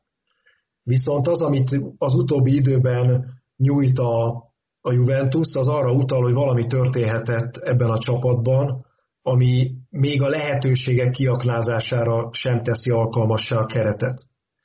Tehát ott lehet, hogy, hogy a Ronaldo körül kialakult Herce hogy most már ugye Olaszországban a sajtó egy ideje a Porto elleni kiesés óta kifejezetten arról ír, hogy egy bukás az ő torinói ténykedése, lehet, hogy ez is kellett hozzá, aztán volt ugye ez a házi buli McKennivel, Dibalával és Arturral, fontos meccs előtt. Egy olyan Dibalával, aki éppen visszatért sérülésből hónapok után, tehát játszhatott volna, ez már arra mutat, hogy valami azért ott erkölcsileg, meg az elhivatottság szempontjából nem stimmel a, csapatnál, és hát akkor ugye szerintem ebből következik, hogy jönnek a rossz egyéni formák. Tehát nincs olyan játékosa a Juventusnak, mondjuk Danilot és Kiézát kivenném, mert szerintem ők, ők saját magukhoz, vagy az elváráshoz képest is jól teljesítenek, de rajtuk kívül, aki akár a saját átlagát képes volna hozni. Ha Chesney-t vesszük, akkor a Torino ellen két potyagolt kapott miatta a csapat, vesztett ott két pontot. Csak a, a kapuson. Most is az első gólnál Chesney megfoghatta volna a labdát, hogy jó helyre üthette volna, helyett Brian Diazhoz ütötte, gól lett belőle. Ha a középpályán Bentánkurt vesszük, akkor minden mérkőzés a labdakihozataloknál legalább kétszer-háromszor úgy ajándékozza oda az ellenfélnek a labdát, hogy abból helyzet lehet. Ugye a Porto ellen erre rá is fizettek az egyik legfontosabb párharcban. Arthur az ő opciója nem tud előre játszani. Alexandro Szerintem élete legrosszabb szezonját futja, most persze voltak benne sérülések is, de ő sem tudja, egy meccse volt a fejelt két gól, de ő sem tudja azt hozni, a Quadrado hozza a szintet. Morata jól kezdett, utána kilátástalanná vált a játéka. Tehát, Ez Moratára azért jellemző elég sok helyen. Abszolút jellemző. És hát eleve mondjuk, ha megnézzük ezt a középpályát, akkor azok a játékosok, Remzi totális kudarc, tehát szerintem Londonban örülhetnek, hogy megszabadultak tőle. Ö, gyakorlatilag végig sérüléssel bajlódik, és ha játszik, akkor nagyon-nagyon ritkán jó. Rábiónak voltak jó meccsei, de átlagban ő sem képes nagyot hozni, McKenny sokkal jobban rajtolt, mint amit végül is kihozott belőle. A védelemben iszonyatosan nagy bizonytalanságok vannak, a Bonucci Kielini duó fölött eljárt az idő.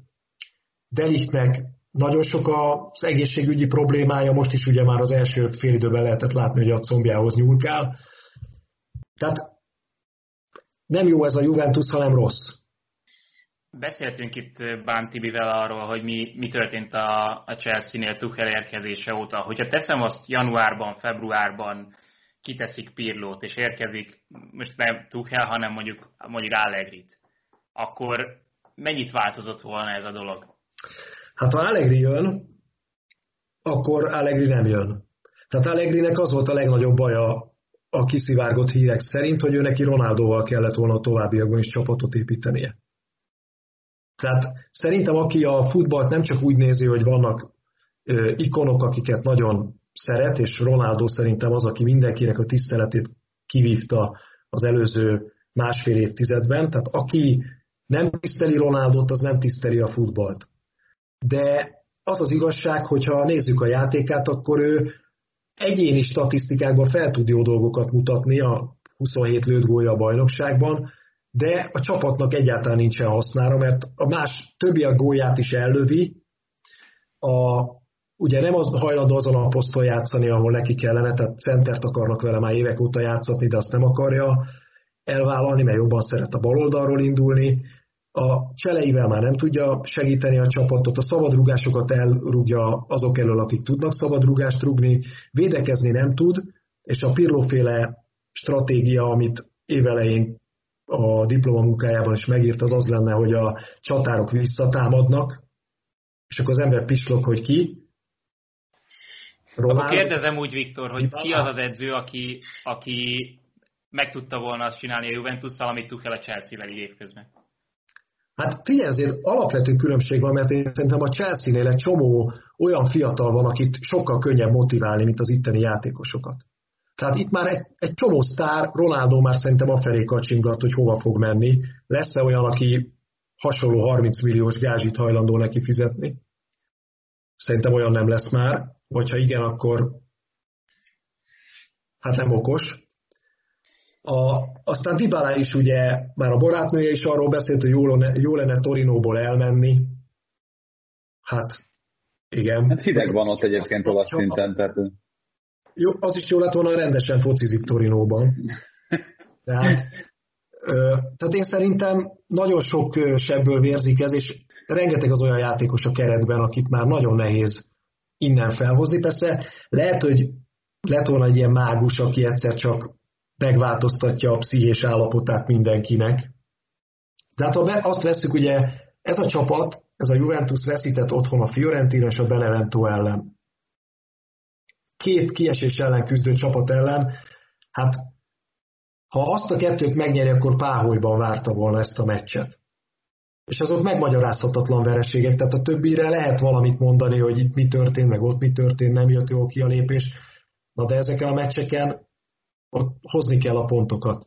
Ami meg a Milánt illeti, hát a Milán sem volt jó formában, most már jó ideje, de gyakorlatilag a Juventus elleni hazai vereség óta, az 1-3 óta elindult szép fokozatosan lefelé, és most már egy ilyen egészen meredek lejtőre került az előző időszakban, hogy a legutóbbi 10 hazai meccséből minden sorozatot figyelembe véve kettőt tudott megnyerni, két gyengécske csapat ellen, de mondjuk Pioli húzott egy olyat, ami, ami bejött. Tehát Brahim, Brahim Diaz, Diaz. Hm?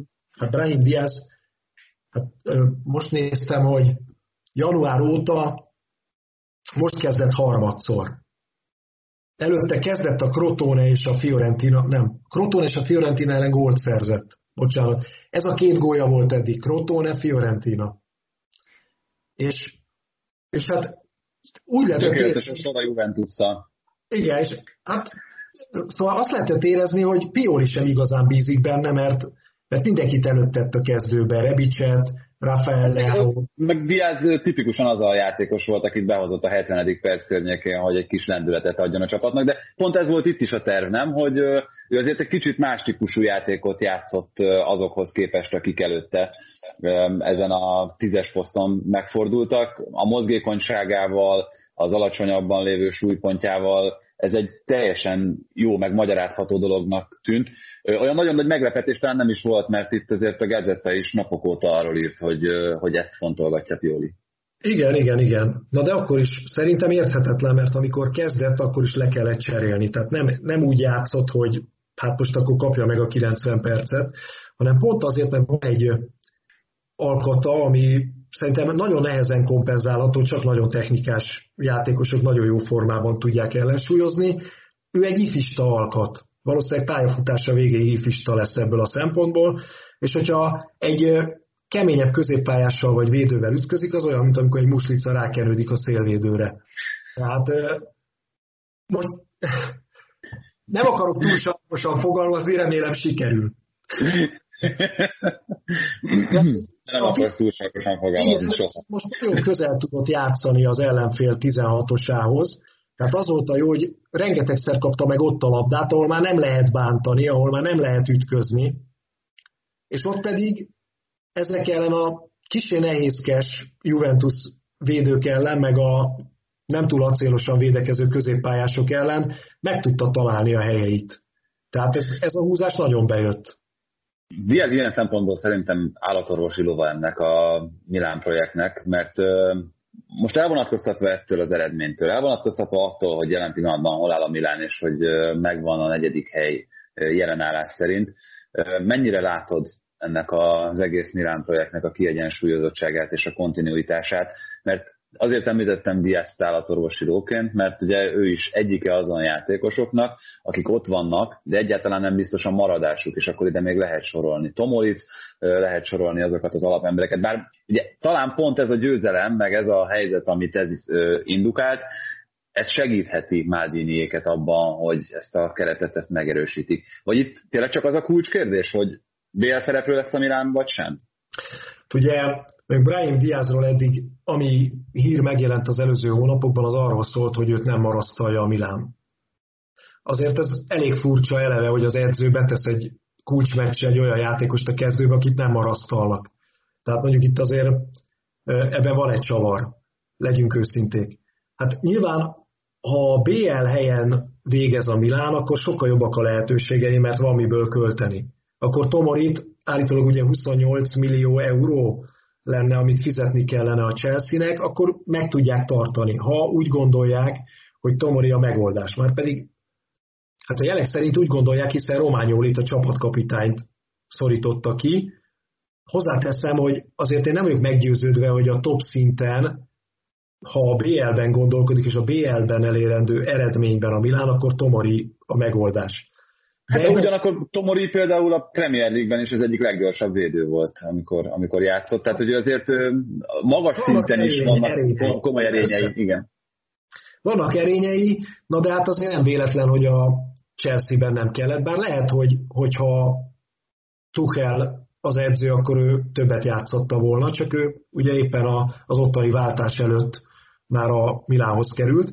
Na mindegy, szóval nagyon sok minden múlik a BL helyezésen, és azon gondolkodtam még, hogy a Juventusnál nem lehet-e, hogy az játszik bele abba, hogy ezek a játékosok ennyire szétestek, és a csapat is, hogy ugye most a héten is kijött ez a hír, hogy a, nem fogja engedni az UEFA indulni a Superligához ragaszkodó csapatokat, és ugye a három között ott van a Juventus.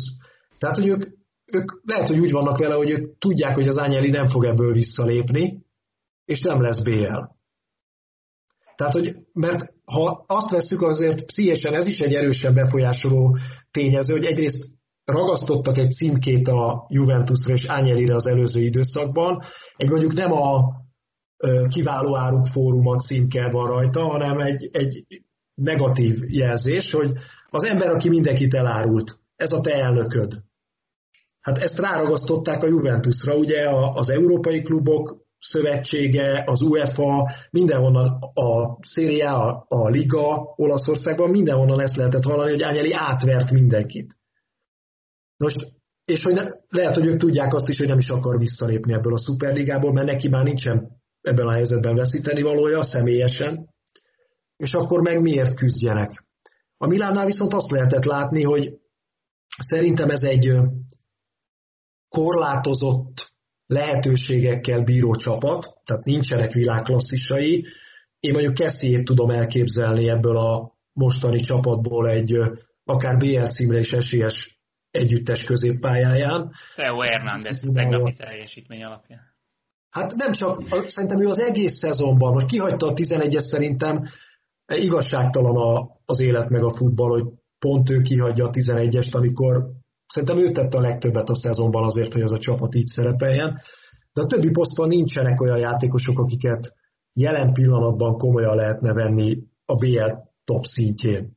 Hát így a Kessie Benasser kettős szerintem mindenképpen, hogyha ha ők együtt játszanak, azért az egy, mindig egy, tehát, értem, hogy Kessie az egész szezont végig játszotta, nem volt úgy sérült, mint, mint Benasser, de amikor ők ketten együtt voltak, azt szerintem bajnokok ligája szintű belső középpályás. Benasser, amióta visszatért, azóta messze nem játszik úgy, mint előtte. Tehát én is azt mondom, hogy, hogy a szezon első fel az talán azért is sikerült ennyire jól, mert ők végig tudták játszani, hihetetlen mennyiségű percet töltöttek a pályán egymás mellett. De most a sérülése óta már Benasser nem annyira jó. Hát most az a kérdés, hogy ez a Milán ezt a hátralévő időszakot ki tudja-e úgy húzni, hogy ne veszítsen túl sok pontot. Mert azért az előző időszakot figyelve még mindig azt mondom, hogyha nem a Juventus, akkor lehet, hogy a Láció is veszélyes lehet. Hát jó, de itt a Torino, a Cagliari és majd az Atalanta az utolsó fordulóban, tehát elképzelhető az, miután ugye az egymás elleni eredménye jobb a Juventusszal szemben, hogyha ezt a két mérkőzést meg tudja nyerni a Milán, itt a Torino és a Cagliari ellen. Két valószínűleg olyan csapat, ugye itt a Torino-nak a mai mérkőzésén is ez egy kicsit múlik, de két valószínűleg olyan csapat ellen, amelyiknek már tényleg minden mindegy tudja hozni, akkor... Torino lejátszotta, a Hellásszal játszott egy-egyet a hétvégén. Az a múlt héten játszott hétszer. Ja, igen. Múlt igen, játszott. igen, igen, bocsánat. De nekik még így is egyel kevesebb mérkőzésük hát, van. Mert ők még játszanak a Lációval. Tehát az a, ez az a nagyon fontos találkozó lesz, és erről beszélgettünk sokat a Csizmoszár stábjával, hogy hát ilyet, hogy betegyék az utolsó forduló elé ezt az elhalasztott meccset, úgyhogy ugye a kiesés szempontjából is fontos lehet, meg a BL indulás szempontjából is fontos lehet, és ennek a két csapatnak megadták gyakorlatilag az esélyt, hogyha az egyik már évbe ért, akkor a másik olcsón szerezze három pontot. Így van. Igen, igen. Mindegy, ezzel együtt, amit elkezdtem mondani, hogy a, gyakorlatilag a Milán fordulhat úgy az utolsó körre az Atalanta ellen, amelynek valószínűleg szintén már mindegy lesz akkor, mert bajnokok ligája indulnak, indulnak mondhatja magát, mondjuk az Atalantánál semmit nem számít szerintem, hogy nekik mi a biztos. akarnak lenni. Ez világos, csak azt mondom, hogy, hogy ha ők egyébként révbe érnek, akkor is ugyanúgy fognak futballozni. Úgyhogy a Milán egyetlen nem mehet nyugodtan arra a mérkőzésre. Arról nem is beszélve egyébként, hogy az Atalanta az, az a Milán számára szerintem a létező legkellemetlenebb ellenfél jelenleg, még talán európai szinten is ez elmondható. Úgyhogy ez, ez azért nem teljesen biztos, viszont beszéljünk egy kicsit itt Milánó másik csapatáról, az Interről, amelyik már bajnok, és itt az egyik legfontosabb kérdés, hogy nagyon kíváncsi vagyok arra, hogy te mit mondasz Contéról. Változott ő? Változott egyáltalán valamit szakmailag, emberileg? Arról már beszéltünk egyszer veled is, hogy ha nem is nagyon tért el attól a, az elképzeléstől és filozófiától, amit ő jónak tart a fociban, azért mindig hajlandó volt új dolgokat beépíteni. Ez az idei konte más sem, mint a korábban látott. Szerintem annyira ragaszkodik az elképzeléseihez, hogy néha még az elképzelésein is hajlandó változtatni, hogy igazolja az elképzeléseit. Tehát most ez például ott van Eriksen, akit azért vettek, vagy azért hoztak, hogy a két csatár mögött játszon. Ez megbukott, erőlködött vele egy darabig Conte, de azért csak nem akarta belátni, és megengedni azt, hogy kiderüljön, hogy ő nem tudja Eriksent beépíteni, ezért beépítette egy olyan helyre, ahova egyáltalán nem való elvileg. Ugye az ő tagú középpályának a, a baloldali belső részére, egy olyan csapatba, amelyik rengeteget védekezett, mert ugye ez a erősen pragmatikus játéka megmaradt az Internek, hogy ugye rengeteg meccsét nyerte egy góllal, sokszor úgy, hogy az ellenfélnél sokkal többet volt a labda. Ha azt vesszük, ugye az első hét csapat közül az Inter birtokolja a legkevesebbet a labdát a szériában.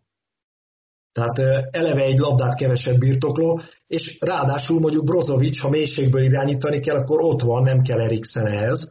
De azért csak begyömöszölte Eriksent a csapatba, és így is eredményesek lettek, és szerintem Conte egyszerűen mindenkit felülmúlt. De nem egyedül múlta felül, hanem, hanem már ottával. Tehát ez, a, ez az együttműködés, ez egy, ez egy nagyon nyerő együttműködés. Tehát őket bármilyen hajóba összeültetném, szerintem kajakpárost és kenupárost is nyernének az olimpián, tök mindegy kiül elől, de hogy annyira tudják, hogy, hogy mi kell a másiknak a jó munkához, már ezt már ott tudja, hogy mi kell konténak elsősorban, és biztosítani tudja ehhez a hátteret. Olyan... És még azt is elviseli, hogyha Conte folyamatosan szarozott előtt a sajtótájékoztatókon. Hát, hát igen, az, na hát ez egy nagyon nagy fordulat Conténál, hogy az előző szezon végén ugye azt mondta, hogy hát ő több védelmet várna a vezetőségtől a sajtóval szemben, jó, most meg azt mondta, amikor már majdnem, hogy biztos volt, hogy megnyerik a bajnokságot, hogy csak ide lőjetek. Azt mondta, Én vagyok mindenért a hibás, igen. Igen, az óriási mártír lett. És eh, hát szóval Conte is tud játszani a, a közönséggel is, meg, meg az érzelmekkel is, de hát leginkább a, a csapatával. Tehát a, ez egy annyira tudatosan felépített társaság, amely a salangokat, teljesen ledobta magáról, tehát a pár fordulóval ezelőtt a legkevesebb cselt mutatták be az interjátékosok a szériában. Hát felfoghatatlan egy bajnok csapat a legkevesebb csellel, na de a legtöbb beadással, a legtöbb fejes góllal, a mit tudom én még egy csomó dologból övék a legtöbb, de, de olyanokból, amik mondjuk nem feltétlenül a játék szépségét, hanem az eredményességét szolgálják. És itt minden erre van kitalálva, Közben szerintem a szezonban kineveltek egy világklasszis ígéretet, mert hogy Barella ebben a szezonban nőtt fel oda, hogy szerintem egészen extra játékosokkal lehet egy lapon emlegetni.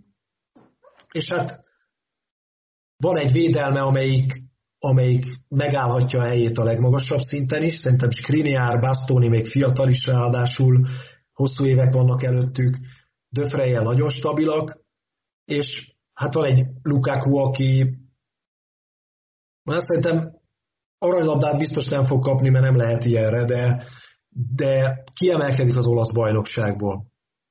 Nem csak a csatárok közül, hanem a játék szempontjából meghatározó olyannyira, amennyire nagyon kevesen, talán senki. Még egy gondolat itt ezzel kapcsolatban, és ez nem is akarom, hogy latolvast, hogy most mi lesz itt a helyzet, akár a kínai külföldi befektetési embargóval, illetve gazdaságilag mi várhat az Interre. Viszont azt, hogyha röviden meg kéne fogalmaznod, hogy ez egy útnak az eleje, vagy, vagy már inkább a, a vége, és ugyanúgy lezárulhat egy korszak kontéval, mint ahogy a Juventusnál az megtörtént, mondjuk három bajnoki cím után, akkor melyiket választanád inkább? Hát három bajnoki cím után lezárulhat az út.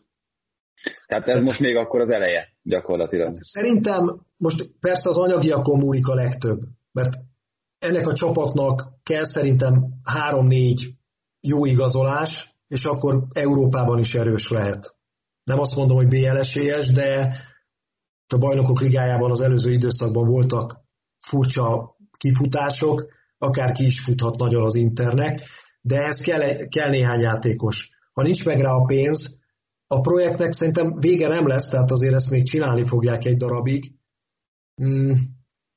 Kontéban ennél több van, mint hogy ezt a bajnokságot megnyerte a csapattal. És szerintem a csapatban is. Tehát, hogy, hogy aztán mit tudnak ebből kihozni. Nekem, nekem Darmian ennek a csapatnak a szimbóluma. Tehát, hogy, és, és Conte munkájának a szimbóluma, hogy oda visznek egy játékost, akiről se, egy pármától, akiről szerintem senki nem várta, hogy ebben a csapatban túl sok lehetőséget kapjon, és odáig jutott Kontéval, hogy Konte akárhova betette itt a szezon második felében, mindenhol jól játszott. Jobb szélen, bal szélen, baloldali belső védőként. És hát ő, hát ő, a, ő a korábbi Tadoinja, meg ő a nem tudom kit mondjak, hogy Vitor Mózesze. A igen, igen, igen. Igen, szóval... Hát, minden, mindenhol volt ilyen játékosa. Igen, de ezt nagyon kevés edző tudja. Igen, no, még kettő edzőkérdéssel azért mindenképpen érdemes foglalkozni. Az egyik José Mourinho, aki hát uralta a mainstream médiát is, és ezzel talán már a Róma félig meddig el is érte azt, amiért szerződtette őt. Ugye 21%-kal emelkedtek a Róma részvények, már csak az átigazolás hívére. Noha ugye itt arról van szó, hogy csak nyáron veszi majd át a Róma csapatát. Olaszországban azért meglepően pozitívan fogadták Murinyót, annak ellenére, hogy a legutóbbi három edzősködése finoman fogalmazva nem volt sikertörténet. Na de hát igen, mi történt 2010-ben? Ez világos, csak hát utána... Olasz csapat nyert bajnokok ligáját. Ez jogos felvetés, csak 2010 óta mondjuk azért nem lehetett letakarni a szemedet és nem nézni azt, ami Mourinhoval történik, tehát hogy volt ennek a történetnek egy másik résztvevője is, az olasz futballon kívül. Igen, de én szerintem az olasz sajtó az ennek megfelelően, a múltnak megfelelően egyelőre jobban értékeli Mourinho-t, mint a világ más részén újságírással foglalkozók, hogy aztán lehet, hogy ez Mourinho feldobja, azt majd megtudjuk, hogy ez így van-e, hogy a környezet, ez a nagyobb elfogadás, elfogadottság, ez segíte neki, de minden esetre hát ezt a Rómát is nagyon fel kell forgatni ahhoz, hogy egy Mourinho szájízének megfelelő keret álljon össze. Tehát azért ez a sok vagy kifutó modell, vagy olyanok, akik hát nem is tudni, hogy valaha futni fognak-e valahova. Rengeteg spanyol játékost hoztak az előző időszakban, akik szerintem gyakorlatilag egytől egyig megbuktak. Tehát, hogy a Carles Perez, Villar, Pedro nagyon gyengén játszott a szezon nagy részében, hogy velük mit csinálnak, kik jönnek helyettük, tehát, hogyha, Ö, ugye, meg bocsánat, hogy ez a kik jönnek helyettük, ez azért egy kulcskérdés, mert Ugye itt bizonyos összeesküvés elméletek szerint igazából nem Mourinho-t szerződtette igazából a Fritkin család, hanem gyakorlatilag Zsorzsi Mendest engedte be a kerítésen belülre, ami ugyanannyira lehet egy eredményes dolog, mint amennyire veszélyes játék. Ugye Tiago Pinto személyében egy portugál sportigazgatója van jelen pillanatban a Rómának. Mourinho akárhol járt pályafutása során eddig, oda azért többnyire érkeztek azok az igazolások, akiket az ő ügynöke és az ő egyébként jó barátja és üzlettársa, ezt nem szabad elfelejteni, Zsorzs Mendesvit. Szóval ezeknek mennyire higgyünk, Viktor? Hát szerintem ez így működik. Csak az más kérdés, hogy mondjuk amikor a Manchester Unitedhez ment José Mourinho, akkor egy sokkal mélyebb pénztárcából lehetett a, a, az ügynök társnak pénzt juttatni a játékosok megvételével. Hát itt a Rómában nem tudom, hogy mekkora ez a pénztárca, tehát azt nem látunk bele, hogy mit akarnak költeni. Hát ezen múlik rengeteg. De hát Mourinho-nak egyébként a Contéhoz hasonlóan lehet azt mondani, hogy pragmatikus futball felfogásához nincsenek meg a játékosok Rómában. Tehát ahhoz neki az egész keretet át kell alakítania. Az biztos, hogy egy pár hónapig fel fog pesdülni az élet az AS Rómánál, tehát tényleg több lesz a sajtó megjelenés, a figyelem oda fog összpontosulni, hogy ezzel mihez tudnak kezdeni egyáltalán az egész klub, és maga Mourinho, azt meglátjuk, de hát mondjuk jelen pillanatban a Róma a hetedik helyért harcol a szériában, a Sassuolo-val, amelyik azért az utolsó, utóbbi időben sokkal jobb eredményeket ér el, mint a Róma. Úgyhogy tehát innen olyan nagyot nem lehet zuhanni érzésem szerint. Nyerő helyzetben van Mourinho. Sassuolo viszont nincs, még egyetlen egy rövid kérdés, és egy felvetés, ezt kíváncsi vagyok, hogy hasonlóan látod-e. Roberto De Zerbi szinte most már biztos, hogy a Shakhtar Donetsknél folytatja edzői pályafutását. Egy olyan edzőről van szó, akinek a pályafutását figyelemmel követhettük végig, és nagyon tehetséges, szerintem a generációjának egy kiemelkedő tagja. Mint ilyen, talán a legjobb utat választotta, mert hát egy nagyon kis iróniával fogalmazhatok úgy, hogy a Shakhtar Donetsk-től egyenesebb út vezet valamelyik olasz top csapathoz, mint egy olasz középcsapattól. Hát elsősorban Rómába, úgyhogy Mourinho retteghet. az utódja. Itt azért az nyilván egy óri, csak itt arra gondoltam, hogy ez egy óriási dolog, hogy valaki kipróbálhatja magát rendszeresen a bajnokok ligájában, azért ott olyan játékosokkal Donetskben, akikkel lehet mit kezdeni, kinek másnak mondanám ezt, mint neked, mint a brazil futball nagy szerelmesének. De, szóval Dezerbi azért egy, úgy lép egy szintet, hogy, hogy közben nem vágja el a, a, az utat magának sehova itt az európai legfelső polcon. De Dezerbinek szerint az a nagy különlegessége, specialitása, hogy ő úgy játszik támadó focit a csapatával, labdabirtoklós, domináns futballt, hogy egyszerűen nem alkuszik. Tehát nem érdekli az, hogy ki az ellenfél, nem érdekli az, hogy a csapata számára nincs tét vagy van tét, hogy ki kéne bekelni, vagy mit tudom én, öt góllal kell nyerni, az ő csapata ugyanúgy játszik. És szerintem egyébként a Sáktárnak a játékos kerete erre a focira vevő lenne és alkalmas lenne. Tehát ilyen szempontból ez nem lenne egy rossz megoldás. Az más kérdés, hogy Olaszországban azért, ha top csapatot keres majd magának, ahogy egyébként állítólag a Napolinál is szóba került, meg már a Milánnál is, hogy ugye ő korábban a Milánban nevelkedett, futballozott, hogy esetleg majd oda menne, hogy ott azért ennél több pragmatizmust szoktak megkövetelni edzőktől, tehát hogyha majd a Sáktártól váltani akar a, az éppen aktuális olasz bajnokhoz, akkor, akkor mi lesz?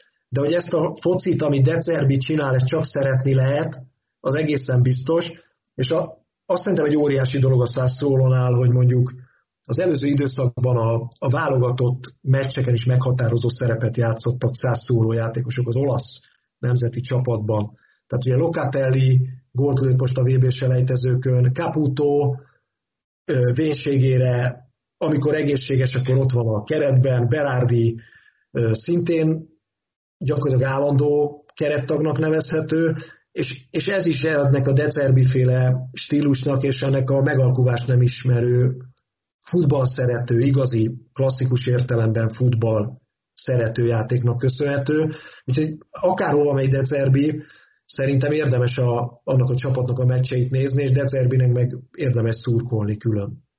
Szóval akkor érdemes ukrán bajnokikat nézni a következő szezontól. Köszönjük szépen, Viktor, hogy itt voltál velünk, és elmondtad mindezt. Köszönöm. Kíváncsian várjuk itt az olasz bajnokságnak is a hajráját, hiszen azért óriási izgalmak lehetnek még ott a másodiktól, akár azt mondom a hatodik helyig, de az ötödikig mindenképpen. Köszönjük szépen a meghallgatást is, jövünk még a héten terveink szerint extra adással, és jövő héten pedig ismét teljes terjedelemben érkezünk. Volt a teljes terjedelem. Magyarország első futballpodcastja Baumstark Tiborral és Bognár Tomával. Ez a műsor a Béton közösség tagja.